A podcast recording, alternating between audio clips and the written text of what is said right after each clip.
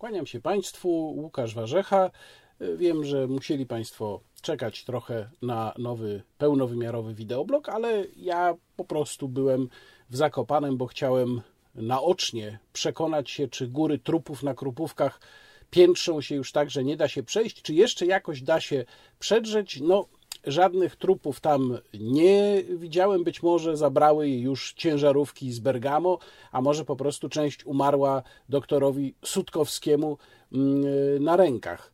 I od razu uprzedzam uwagi tych z Państwa, którzy czasem e, zgłaszają również na Twitterze takie oburzenie, że jak tak można, że żarty z tak poważnej sytuacji, że przecież ludzie umierają. Tak, oczywiście umierają. Ludzie umierają albo na sam COVID, albo w związku z COVID-em mogą być przy okazji zarażeni SARS-CoV-2, ale to wcale niekoniecznie musi być przyczyna ich śmierci, a może być też tak, że z powodu przestawienia, jak wiemy, znamy już tę sprawę doskonale, części systemu opieki zdrowotnej właśnie na sprawy wyłącznie covidowe umierają ludzie, którzy są chorzy na coś zupełnie innego, ale ja nie z nich żartuję, tylko jak pie z panikarzy, którzy zapominają o tym, że, przepraszam, jednak śmiertelność tej choroby to jest 2 do 3%.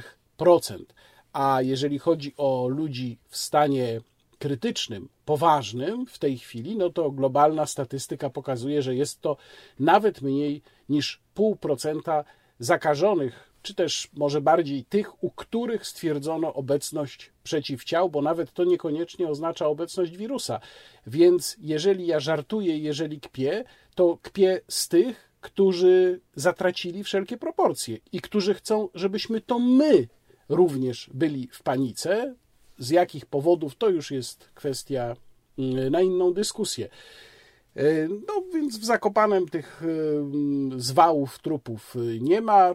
Mam też wrażenie, że można powiedzieć, nie za bardzo przyjęło się nowe rządowe rozporządzenie o maseczkach, o którym będę jeszcze później mówił. Natomiast y, w roli premierowej dzisiaj występuje w najnowszym wideoblogu nowy dzwoneczek, który kupiłem właśnie w Zakopanem, a dokładnie w willi Czerwony Dwór, które jest y, takim, która jest takim centrum mm, rzemieślników i artystów przede wszystkim lokalnych i brzmi on tak.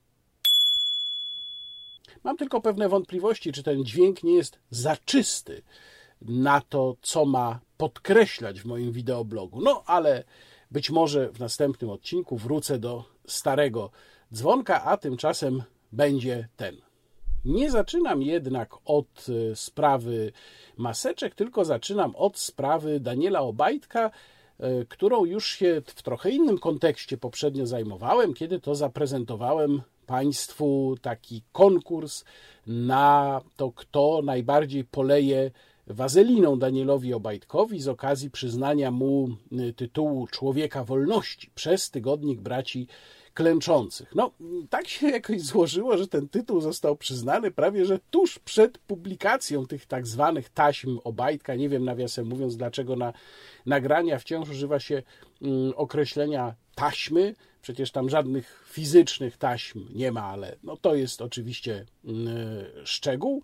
Więc ja wyobraziłem sobie, że pan prezes Obajtek ze sceny rzuca taki piękny blusk E, taki jak właśnie znalazł się na tych nagraniach i który zresztą stał się najbardziej znanym ich punktem, e, to było do przewidzenia, bo zawsze tego typu rzeczy sprzedają się najlepiej, nie to, co jest gdzieś w tle, zresztą jak sądzę ku mm, zawodowi tych, którzy tę sprawę wypuścili i którzy ten artykuł opublikowali, no ale skoro to już się stało, to mm, na tym również przez chwilę się skupmy. Ja specjalnie zadałem sobie trud, wziąłem ten fragment, w którym tak e, pięknie wypowiada się pan Daniel Obajtek o swoim wuju. Mów mi wuju! I tu Państwo ten fragment widzą, z tym, że ponieważ ja dbam o zachowanie poziomu na swoim wideoblogu, to pozwoliłem sobie wygumkować e, wszystkie miejsca, w których padają brzydkie słowa. Proszę zobaczyć, ile tego jest. No i tutaj jednak pewien szacunek dla pana mm, Daniela Obajtka, ponieważ e, tak barwnie opisać e, swojego krewnego, no to nie każdy by potrafił. Ale co to oznacza? Bo to jednak mimo wszystko, moim zdaniem, też ma jakieś znaczenie, ten wywód z prywatnej rozmowy. Niektórzy mówią, e, to jest prywatna komunikacja, to nie powinno mieć znaczenia. Oczywiście ja się zgadzam, że w prywatnych rozmowach ludzie mówią inaczej. Mnie oczywiście w prywatnych rozmowach też zdarza się użyć brzydkich słów, aczkolwiek wszyscy, którzy mnie znają prywatnie, wiedzą, że ja tego nie robię nagminnie. Że ja to robię czasem, kiedy chcę coś naprawdę mocno podkreślić. To tak, zdarza mi się przekląć. Ale staram się jednocześnie mówić w taki sposób, e, oczywiście to nie znaczy, że cały czas się niesamowicie pilnuję, ale staram się mówić w taki sposób, żeby gdyby kiedyś to wypłynęło z jakiegoś powodu, to żebym nie musiał się wstydzić. No wydaje mi się, że Daniel Obajtek jednak wstydzić się powinien. I ja tu nie przyjmuję tłumaczenia które powszechnie zaczęło się pojawiać po stronie jego obrońców, związanego z tak zwanym zespołem Tureta. Ja w ogóle jestem dosyć sceptyczny, jeżeli chodzi o tego typu przypadłości. To samo dotyczy słynnego ADHD, no ale tu już nie będę w to wchodził. Dość, że sam Daniel Obajtek w jednym z wywiadów mówił, że y, kiedy go kiedyś tam diagnozowano, to lekarz stwierdził, że to nie jest zespół Tureta, dlatego że właśnie tego, y, tego symptomu przeklinania nieustannego pan Obajtek nie wykazuje. No to w końcu nie wiem, wykazuje czy nie wykazuje, czy y, tak jakoś jest, że w sytuacjach publicznych się umie powstrzymać, a w sytuacji prywatnej nie. No tu przepraszam bardzo, ale jednak w tym wywodzie mam wrażenie, że te przekleństwa nie padają przypadkowo, tylko one zdecydowanie dotyczą konkretnej osoby i powiedziałbym, tworzą pewną spójną całość z tym wywodem, więc jakoś trudno mi jest uwierzyć w to, że to jest skutek mm, choroby.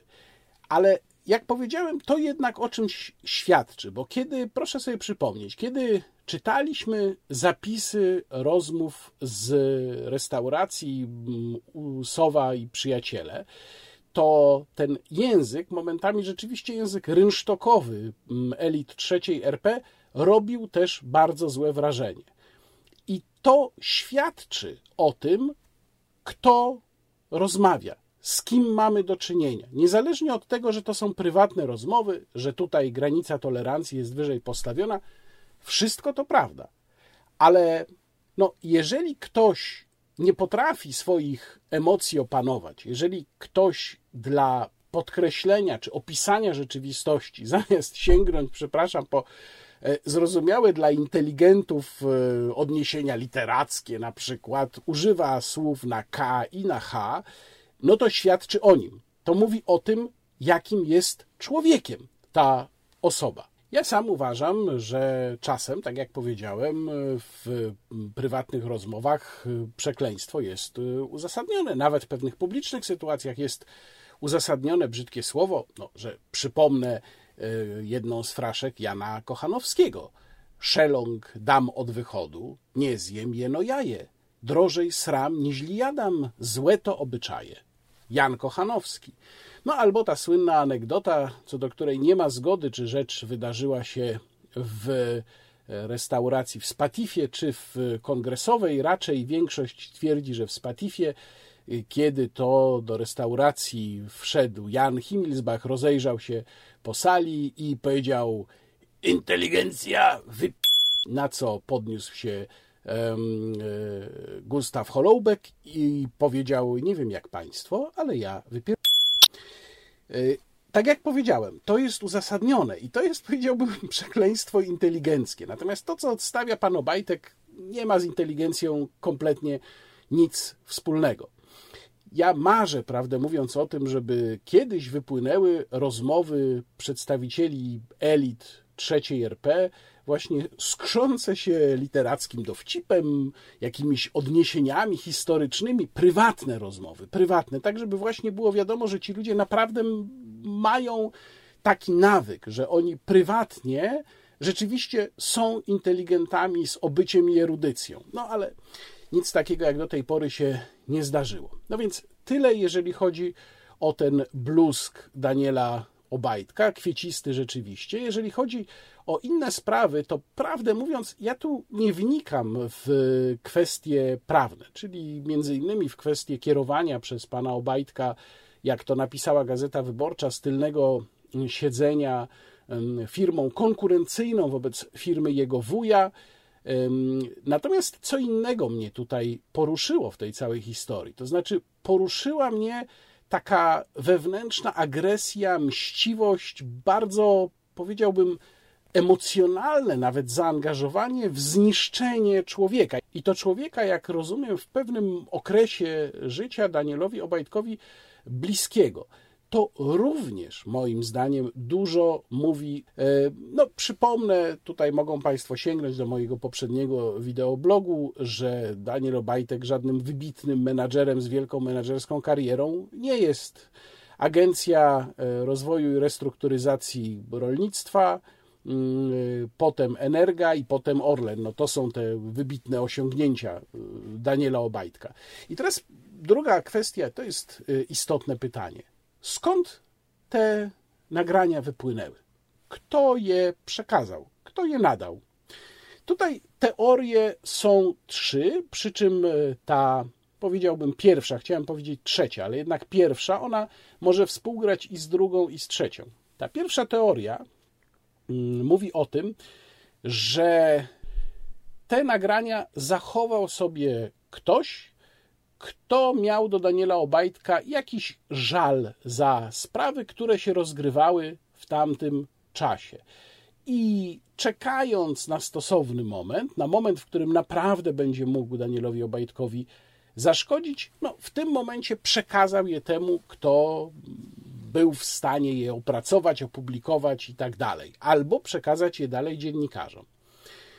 Czyli możliwa jest tutaj droga bezpośrednia gdzieś z niskiego szczebla do mediów, ale możliwa jest również droga przez pośrednika. No i teraz pytanie, kto tym pośrednikiem jest, bo tu oczywiście nic dziwnego, że pojawiają się dwie teorie.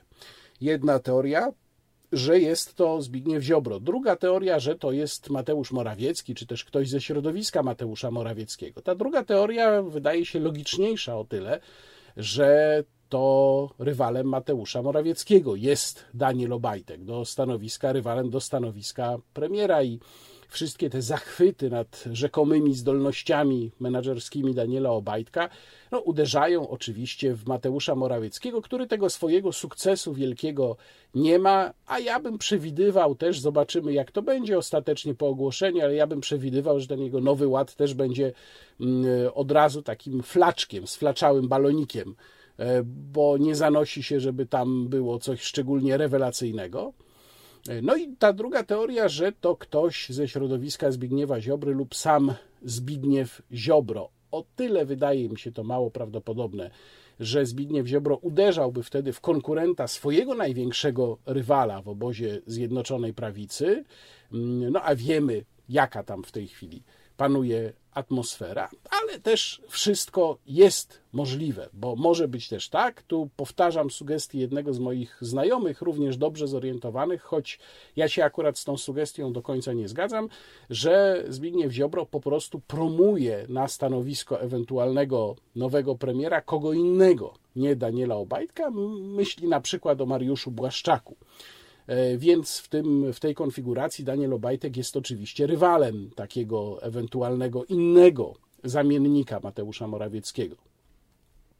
W każdym razie, e, tak czy owak, mam wrażenie, że te nagrania utrudniają dalszą karierę Danielowi Obajtkowi. Oczywiście nie przekreślają jej, e, ale jednak przynajmniej odsuwają w czasie możliwość zamiany Mateusza Morawieckiego na Daniela Obajtka. Jak będzie w rzeczywistości, zobaczymy rzecz jasna. Na pewno na razie Daniel Obajtek ma problem. No to teraz maseczki. Rozporządzenie, w którym został określony nowy obowiązek, ukazało się zgodnie z tradycją świetnej, wybitnej legislacji i przewidywalności prawa, do której to tradycji już nas rząd Zjednoczonej Prawicy w czasie epidemii przyzwyczaił, ukazało się zaledwie kilka godzin przed wejściem w życie, tak żeby obywatele mieli czas się przygotować, prawda? No i zawiera ono taki oto zapis. Do dnia 14 marca 2021 roku nakazuje się zakrywanie przy pomocy maseczki ust i nosa i tu powinno nastąpić wyliczenie, co mamy zakrywać przy pomocy maseczki ust i nosa.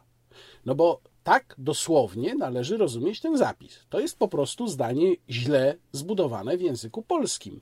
Wbrew temu, co niektórzy twierdzą, e, ustawienie przecinka przed e, częścią zdania przy pomocy maseczki, nawiasem mówiąc, powinno być za pomocą maseczki, nie przy pomocy maseczki, nie jest wtrąceniem. Wtrącenie tutaj jest kompletnym absurdem. Tu nie ma powodu do wtrącenia. Jeżeli to zdanie miałoby być zbudowane poprawnie, w sposób nie pozostawiający wątpliwości, to musiałoby brzmieć: nakazuje się zakrywanie ust i nosa za pomocą maseczki. I wtedy to jest wszystko jasne. Ale tutaj nie jest jasne. Tutaj można się zastanawiać, co mamy zakryć za pomocą maseczki, ust i nosa. No ale to oczywiście jest e, tylko jeden z problemów, bo Dużo większym problemem jest kwestia braku definicji maseczki, która oczywiście daje ogromne pole do interpretacji dla panów milicjantów, ale też dla nas, gdyby milicja chciała nam wystawić mandat. Oczywiście cała ta kwestia jest z gruntu absurdalna. E, jeżeli państwo sięgną mm, na którykolwiek z portali zakupowych, no to zobaczą Państwo tam dużo modeli przewiewnych maseczek taki, taki, o taki, koronkowy, prawda? No dużo tego w każdym razie jest. Teoretycznie rzecz biorąc, jeżeli by wziąć słowo, pojęcie maseczki, najprawdopodobniej zgodnie z intencją ustawodawcy, choć tego nie możemy być pewni, to mógłbym wziąć taki płatek gazy, zrobić sobie od niego takie gubeczki albo sznurki, założyć tutaj i to wtedy spełniałoby wymogi. Jestem w maseczce. Ale jeżeli założę swój komin, który, jak Państwo widzą, zakrywa szczelnie również tę część, czyli tutaj od dołu no, wydostaje się mniej nawet niż z takiej przeciętnej materiałowej maseczki, to to już jest niezgodne z intencją y, ustawodawcy. A z kolei, gdybym w tym kominie wyciął sobie takie dziury, że mógłbym go założyć na uszy, no to w ogóle już milicja miałaby problem. Nawiasem mówiąc, ciekaw jestem, czy wszystkich milicjantów już wyposażono w maseczki, bo oni przecież mieli takie firmowe kominy z napisem policja. No powinno być milicja oczywiście, ale napis jest policja. Więc y, nonsens tej regulacji no jest oczywisty dla każdego zdrowo myślącego człowieka. Ale wracam tutaj do niezdefiniowanego pojęcia maseczki. No otóż załóżmy, że przychodzi milicjant i mówi: Panie, pan tu w kominie jesteś, nie wolno tu, maseczka.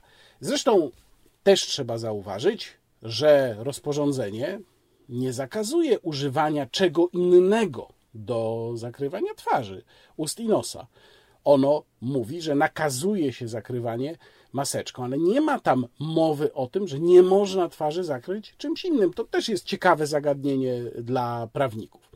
No w każdym razie, jeżeli zdecydujemy się nie przyjmować mandatu i powiemy, to jest moim zdaniem maseczka, mając na sobie na przykład taki komin, jaki przed chwilą Państwu pokazałem, o, milicjant powie, nie panie, ja wiem, że to nie jest maseczka. A my powiemy, a jaka jest definicja maseczki? A maseczka to musi mieć tu takie za uszami, panie.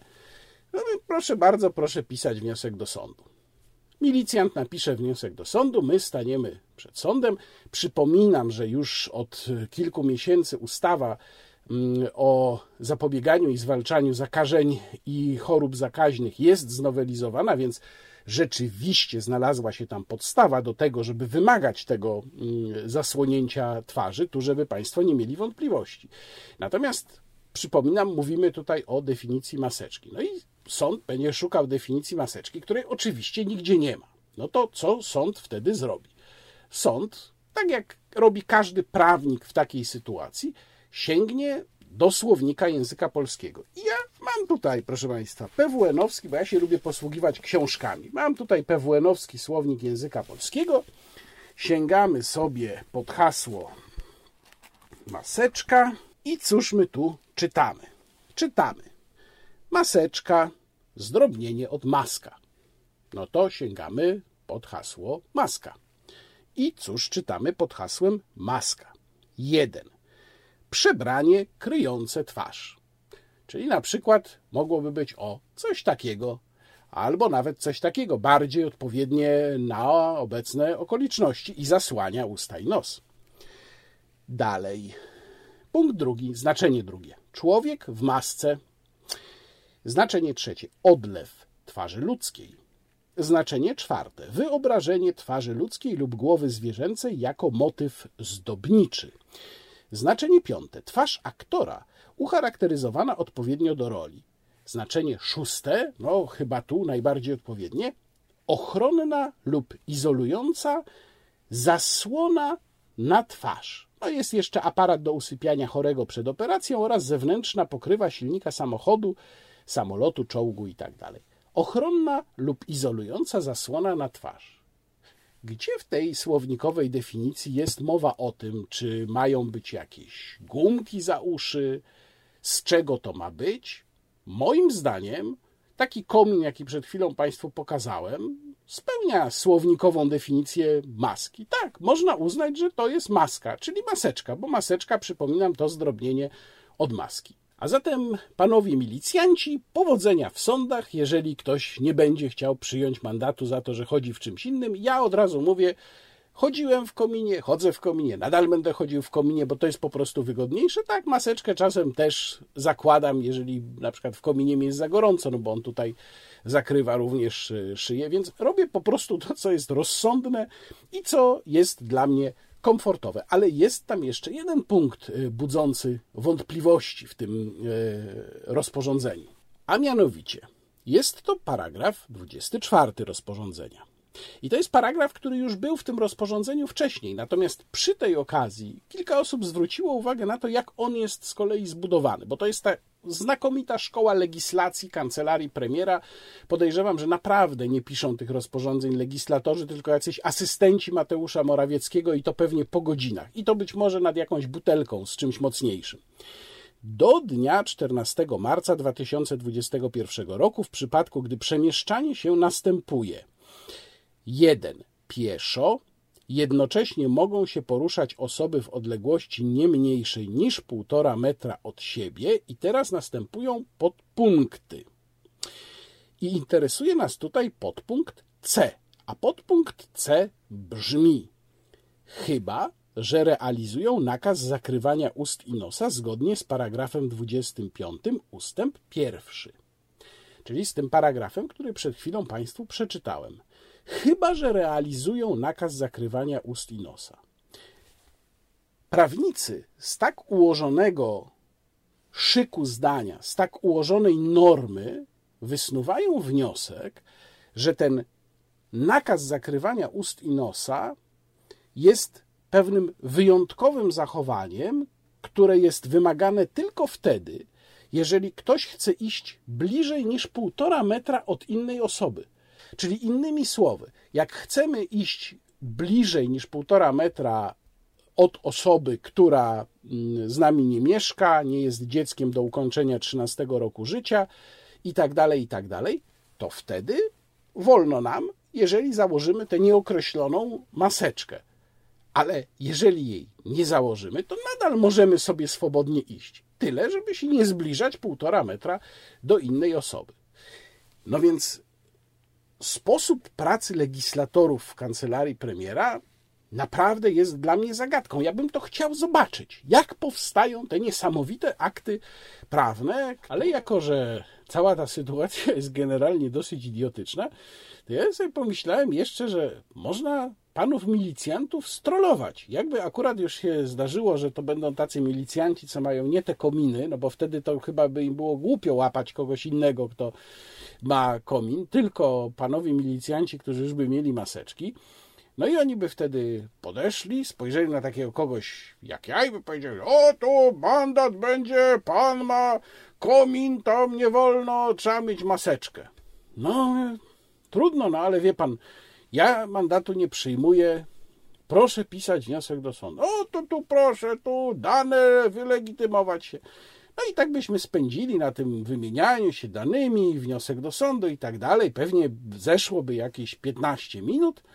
I po tych 15 minutach, proszę Państwa, trolujemy pana milicjanta. Ej, zapomniałem, a ja mam pod spodem maseczkę. Powie ktoś, nadmierna złośliwość wobec panów milicjantów. No otóż nie.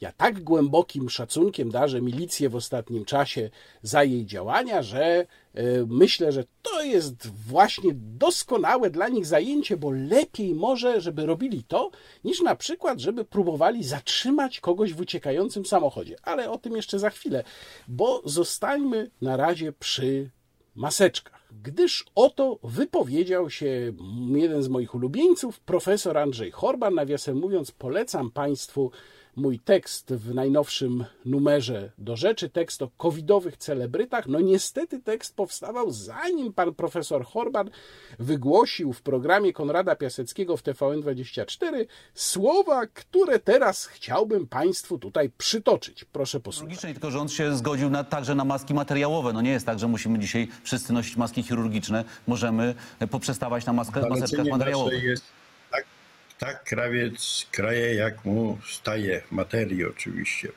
Jeżeli mamy, te, gdybyśmy mieli maski bardzo dobre w nadmiarze, to oczywiście każdy mógłby chodzić. Mamy, no, bo to trochę jest y, żenująca sytuacja, jeżeli w kraju 40-milionowym nie jesteśmy w stanie wyprodukować własnych masek, musimy korzystać z masek produkowanych gdzieś za granicą.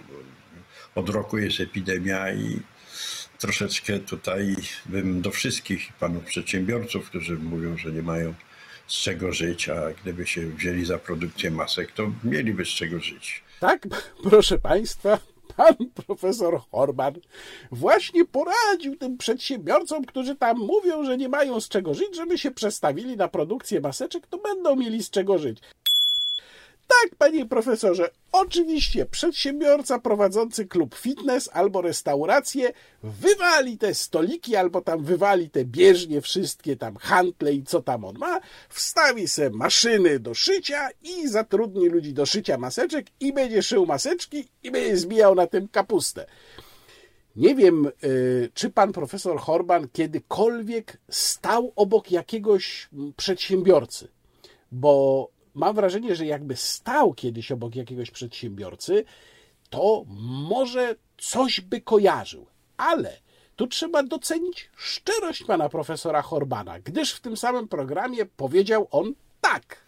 Wyobraźmy sobie dzisiaj, że zostaje pan takim dyktatorem pandemii, że to e, w pańskich rękach są wszystkie decyzje dotyczące lockdownów, obostrzeń.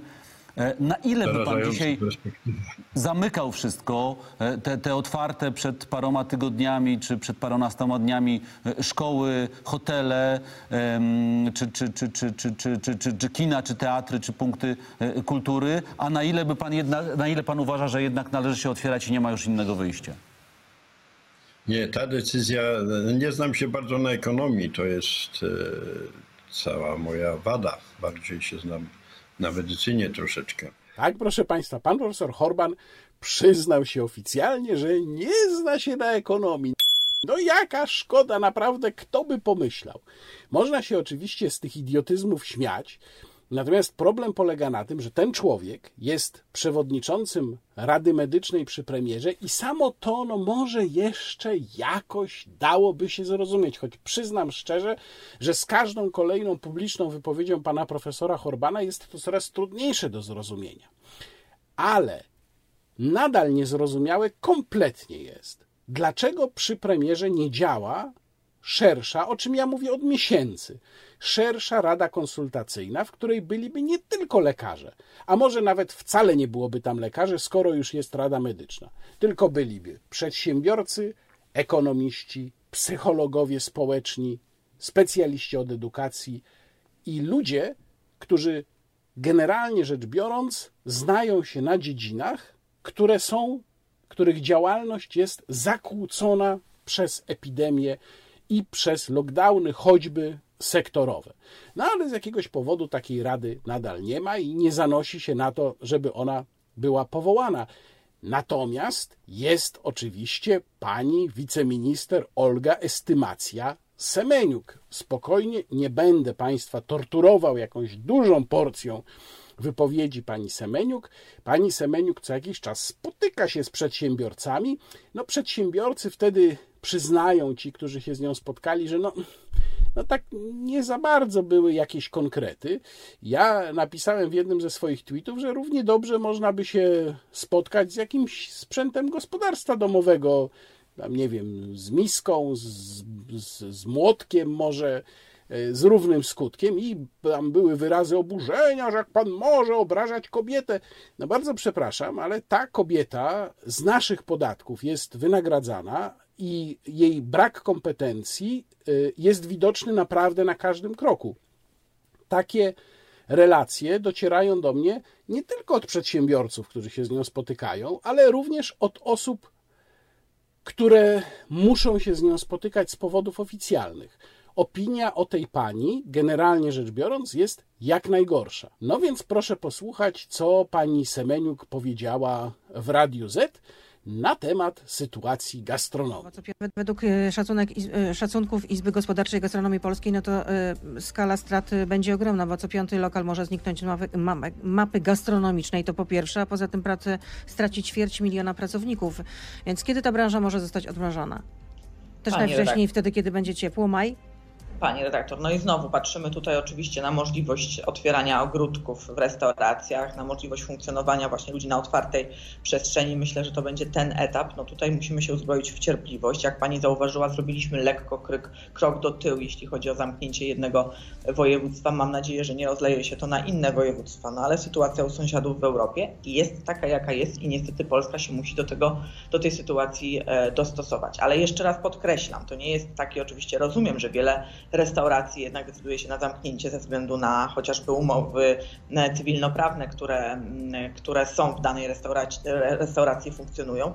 No, z tego, co, co widzę i z tego, co o, o, to, o tym, o czym rozmawiam z przedsiębiorcami, szczególnie z działem gastronomii, no to wydaje się, że jednak te restauracje, które już e, hucznie zapowiadały zamknięcie, funkcjonują, dalej chcą rozmawiać, czego dowodem jest to, że w ogóle podchodzimy do tego dialogu, że pracownicy są zatrudnieni, a to rejestrowane bezrobocie, o którym pani redaktor mówiła w kontekście gastronomii, no w skali całego kraju to 6,5%. A więc, proszę Państwa, z gastronomią nie jest tak źle, bo co prawda padnie jedna piąta restauracji, będzie wielkie bezrobocie, ale to przecież tylko sektorowe, tylko w gastronomii, czym, nie ma się czym przejmować, bo w ogóle to jest świetnie, proszę Państwa, i to jest tak po prostu. A jak się zrobi cieplej, czyli tam za jakieś dwa miesiące, no to może wtedy władzuchna łaskawie pozwoli gastronomii wystawić ogródki. No dobrze, to teraz przejdźmy do tego, o czym już wcześniej wspominałem, czyli do akcji na stacji benzynowej. Rzecz wydarzyła się w Zachodniopomorskiem na stacji benzynowej w miejscowości Rymań. Według relacji kobiety, która prowadziła mm, samochód, który za chwilę Państwo zobaczą, miała się ona pokłócić ze swoim partnerem, z którym jechała aż z Holandii. Ta kłótnia przeniosła się z samochodu na stację benzynową, gdzie się zatrzymali, a ponieważ widocznie kłótnia była gwałtowna, no to mm, wezwano policję i jak policja się pojawiła, to się stało coś takiego. I tutaj od razu zastrzegam, bardzo się namęczyłem, wycinając z tego filmu różne brzydkie, nieparlamentarne słowa, które mógłby powiedzieć chyba tylko pan prezes Obajtek.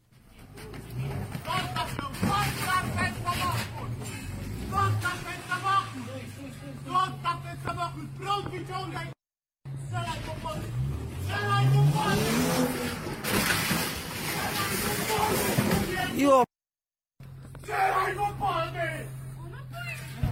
Strzelaj w opony, mówię! Strzelaj w opony! Strzelaj w opony! Ja p...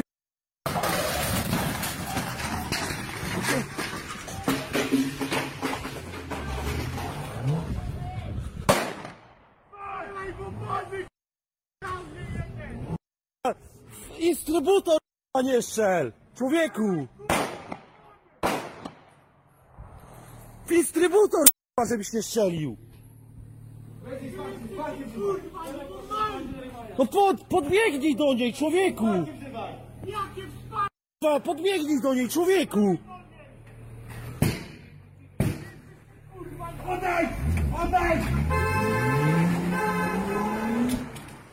To widowisko w wykonaniu tych dwóch biednych policjantów, kompletnych fajtłapów, bo to naprawdę trudno inaczej nazwać, przypomina mi takie wydarzenie sprzed 10 lat, które wtedy mm, odbiło się szerokim echem. To było w Bytowie w województwie bodajże pomorskim, kiedy to dwoje policjantów próbowało obezwładnić takiego dosyć postawnego człowieka, a dookoła biegała kobieta, prawdopodobnie jego matka, i strasznie się awanturowała. Wydajecie polecenie.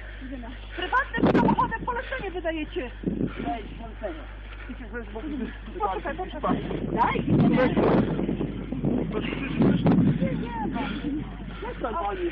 A nie ja kogoś po ziemi tarzać. Da to pani coś, że po ziemi będę tarzał. Po ziemi się będę tarzał. Nie płacz dziecko, chodź co wy robicie przy dzieciach. Przestań. Sami dzieciaki jesteście. Chodź na ziemię. No na ziemię. Ja no sami widzcie go Ja pierdolę. Mać. Uciekali. Powiedzmy. Kładź się na ziemię. Nie, ale co to? Się na ziemię. I wtedy po tym wydarzeniu mm, komentarze były takie, że policjanci są niewyszkoleni, e, a pan minister spraw wewnętrznych mówił, że nieprawda, że oni są bardzo dobrze wyszkoleni, a w ogóle to poradzili sobie najlepiej jak się dało w tej sytuacji. No to właściwie to samo mógłby teraz pan minister Kamiński powiedzieć o tych dwóch policjantach. Natomiast co my tutaj widzimy? Widzimy tutaj całą patologię dzisiejszej milicji, czyli po pierwsze, kompletną, ewidentną bezradność tych policjantów, którzy są nieprzygotowani na tego typu sytuacje całkowicie. A proszę sobie teraz wyobrazić, że to nie jest jakaś prawdopodobnie niezrównoważona psychicznie kobieta, tylko że to jest terrorysta, że to jest zamach terrorystyczny. Proszę sobie wyobrazić, że takich dwóch zwykłych, albo czterech, albo nie wiem, sześciu policjantów z patrolu trafia na terrorystę, który postanawia użyć samochodu tak, jak terroryści używali samochodów na Zachodzie. I oni robią coś takiego, jak widać na tym filmie. Druga sprawa to jest kwestia tego, jakim autorytetem cieszy się policja, na co sobie zresztą sama zasłużyła. Dookoła tłumek podpowiadaczy, którzy krzyczą, co ci policjanci mają robić, i najgorsze jest nie to, że oni tam są, chociaż już samo to jest niebezpieczne ale to, że ci policjanci ich słuchają. Jak jeden z tych ludzi krzyczy, w opony strzelaj, w opony strzelaj, a policjant posłusznie wyciąga broń i strzela tam gdzieś, gdzie wydaje mu się, że są opony. To jest oczywiście nie tylko kompletnie bez sensu, ale jest to niebezpieczne. Dzieje się to, przypominam, na stacji benzynowej. I tutaj ja wiem, że są różni mądrale, którzy mówią: Nie, nie, tam dystrybutor trafiony z pistoletu to nic się nie stanie. Może się stanie, może się nie stanie. Generalnie rzecz biorąc, stacja benzynowa jest miejscem, gdzie takich rzeczy po prostu nie powinno się robić. Ale również, o czym ja już Państwu wcześniej mówiłem i pisałem, nie należy strzelać, i to wie każdy, kto ma jakie takie obycie z bronią, nie należy strzelać tam, gdzie są inni ludzie i gdzie jest jakaś twarda powierzchnia. No tutaj jest asfalt, płyty, ci policjanci strzelają gdzieś w dół, rykoszet pocisku jest równie niebezpieczny jak bezpośrednio mm, wystrzelony pocisk. Więc to jest kolejny przykład braku wyszkolenia. No ale jak ci policjanci mają być wyszkoleni, skoro oni mają do wystrzelenia w ciągu roku kilkadziesiąt nabojów raptem i to jeszcze to jest strzelanie statyczne.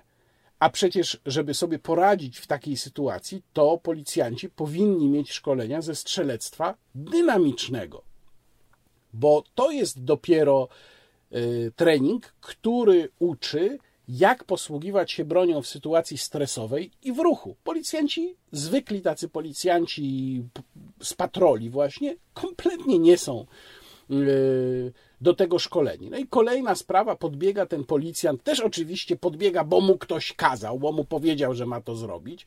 Podbiega do tego samochodu od strony w ogóle odwrotnej niż siedzi kierowca i próbuje, z tego co ja widzę, wybić tę szybę, ale nie pałką służbową, tylko najprawdopodobniej swoją bronią służbową no to rzeczywiście jest świetny pomysł, żeby bronią, która jest według wszelkiego prawdopodobieństwa załadowana i ma nabój w komorze nabojowej, uderzać w szybę.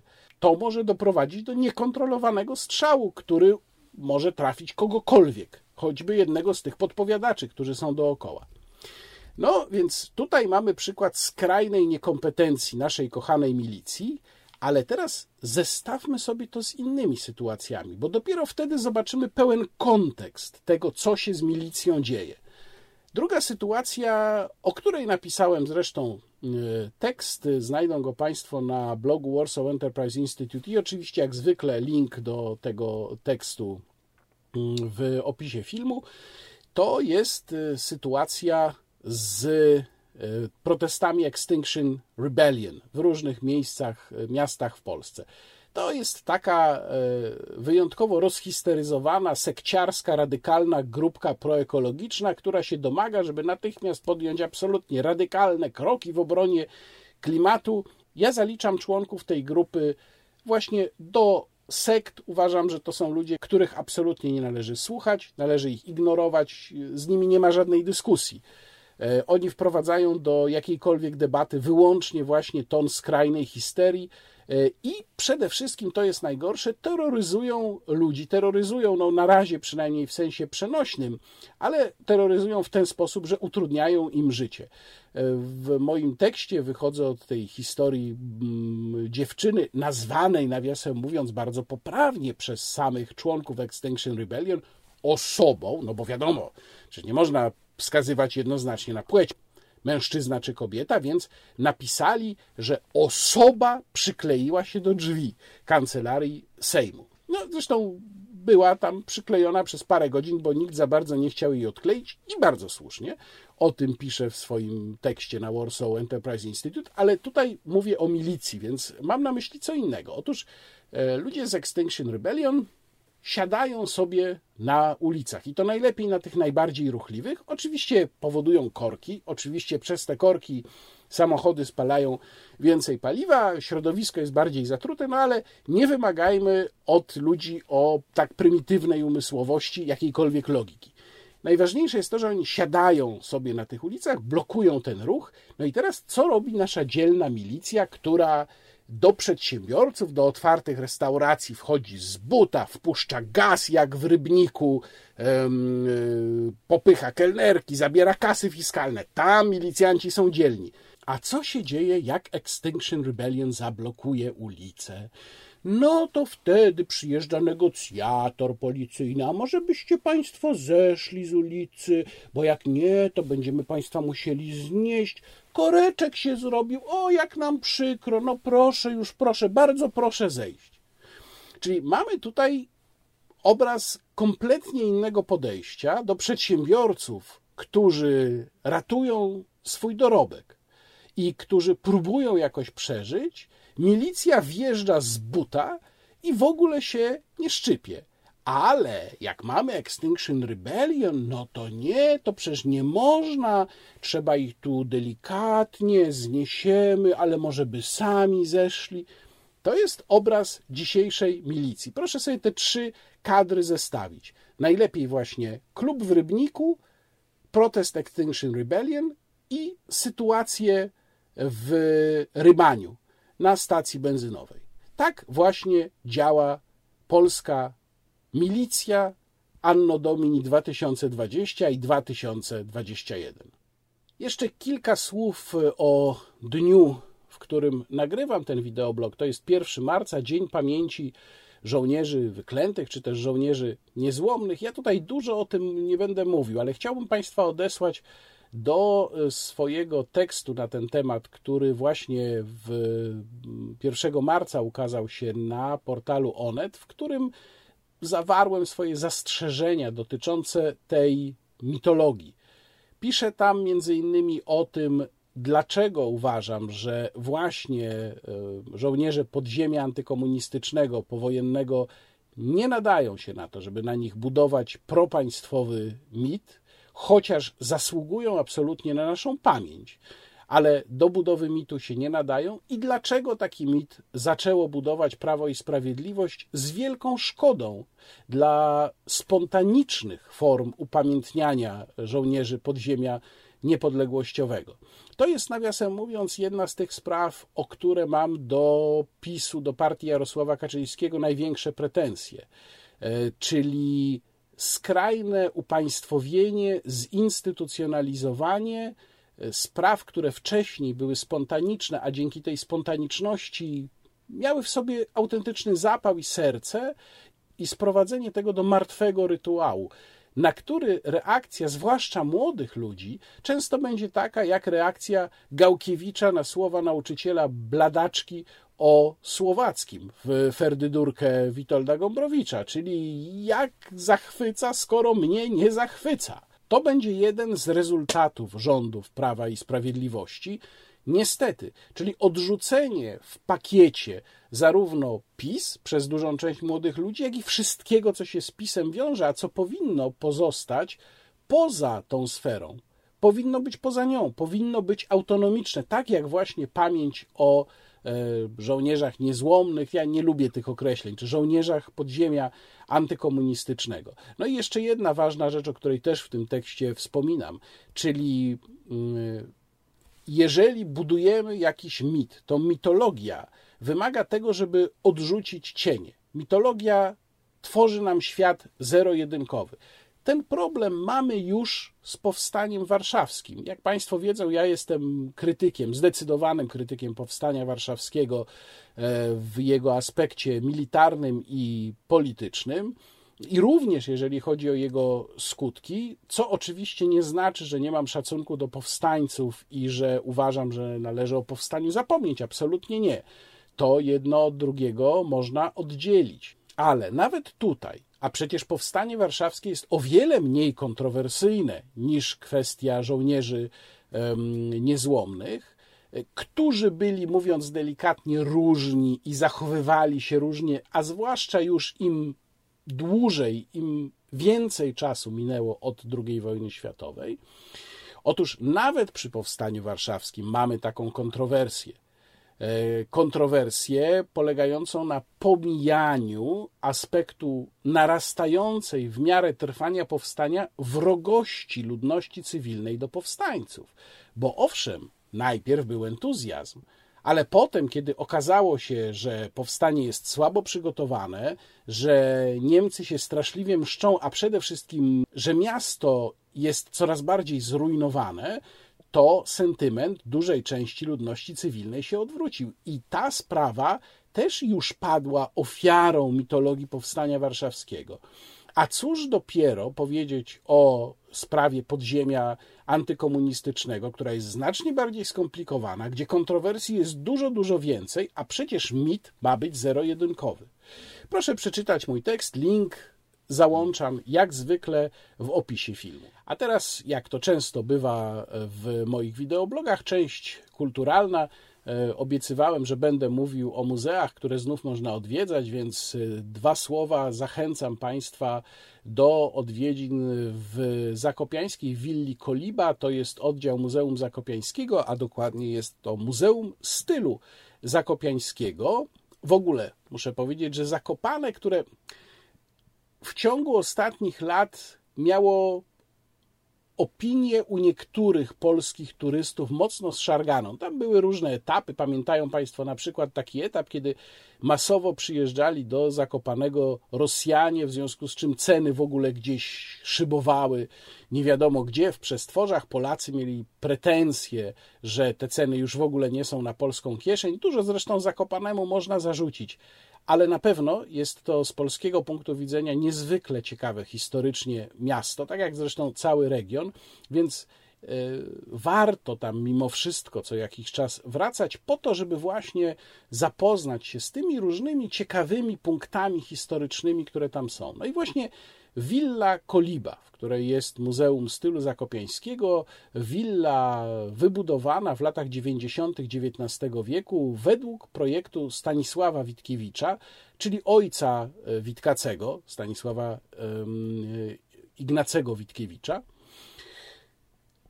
Jest unikatowym budynkiem, bo ona zapoczątkowała cały projekt stylu zakopiańskiego, stylu opracowanego właśnie przez Stanisława Witkiewicza na podstawie długich studiów podjętych mniej więcej w połowie XIX wieku, studiów etnograficznych różnych badaczy nad y, stylem góralskim, stylem zakopiańskim. I oczywiście ten styl został przez Witkiewicza przetworzony, wzbogacony o całe mnóstwo elementów, ale koliba jest mimo wszystko posadowiona na tej bazie, którą jest lokalny, góralski, ten autentyczny góralski styl. Jeżeli Państwo trafią do willi Koliba, przy najstarszej w Zakopanem ulicy Kościeliskiej, to będą Państwo mogli prześledzić nie tylko życiorys e, Stanisława Witkiewicza, ale również jego drogę artystyczną i drogę tworzenia stylu zakopiańskiego, który był pomyślany, to jest bardzo ciekawe, jako styl, polski styl narodowy, który miał obejmować całą Polskę. To nie miał być styl regionalny.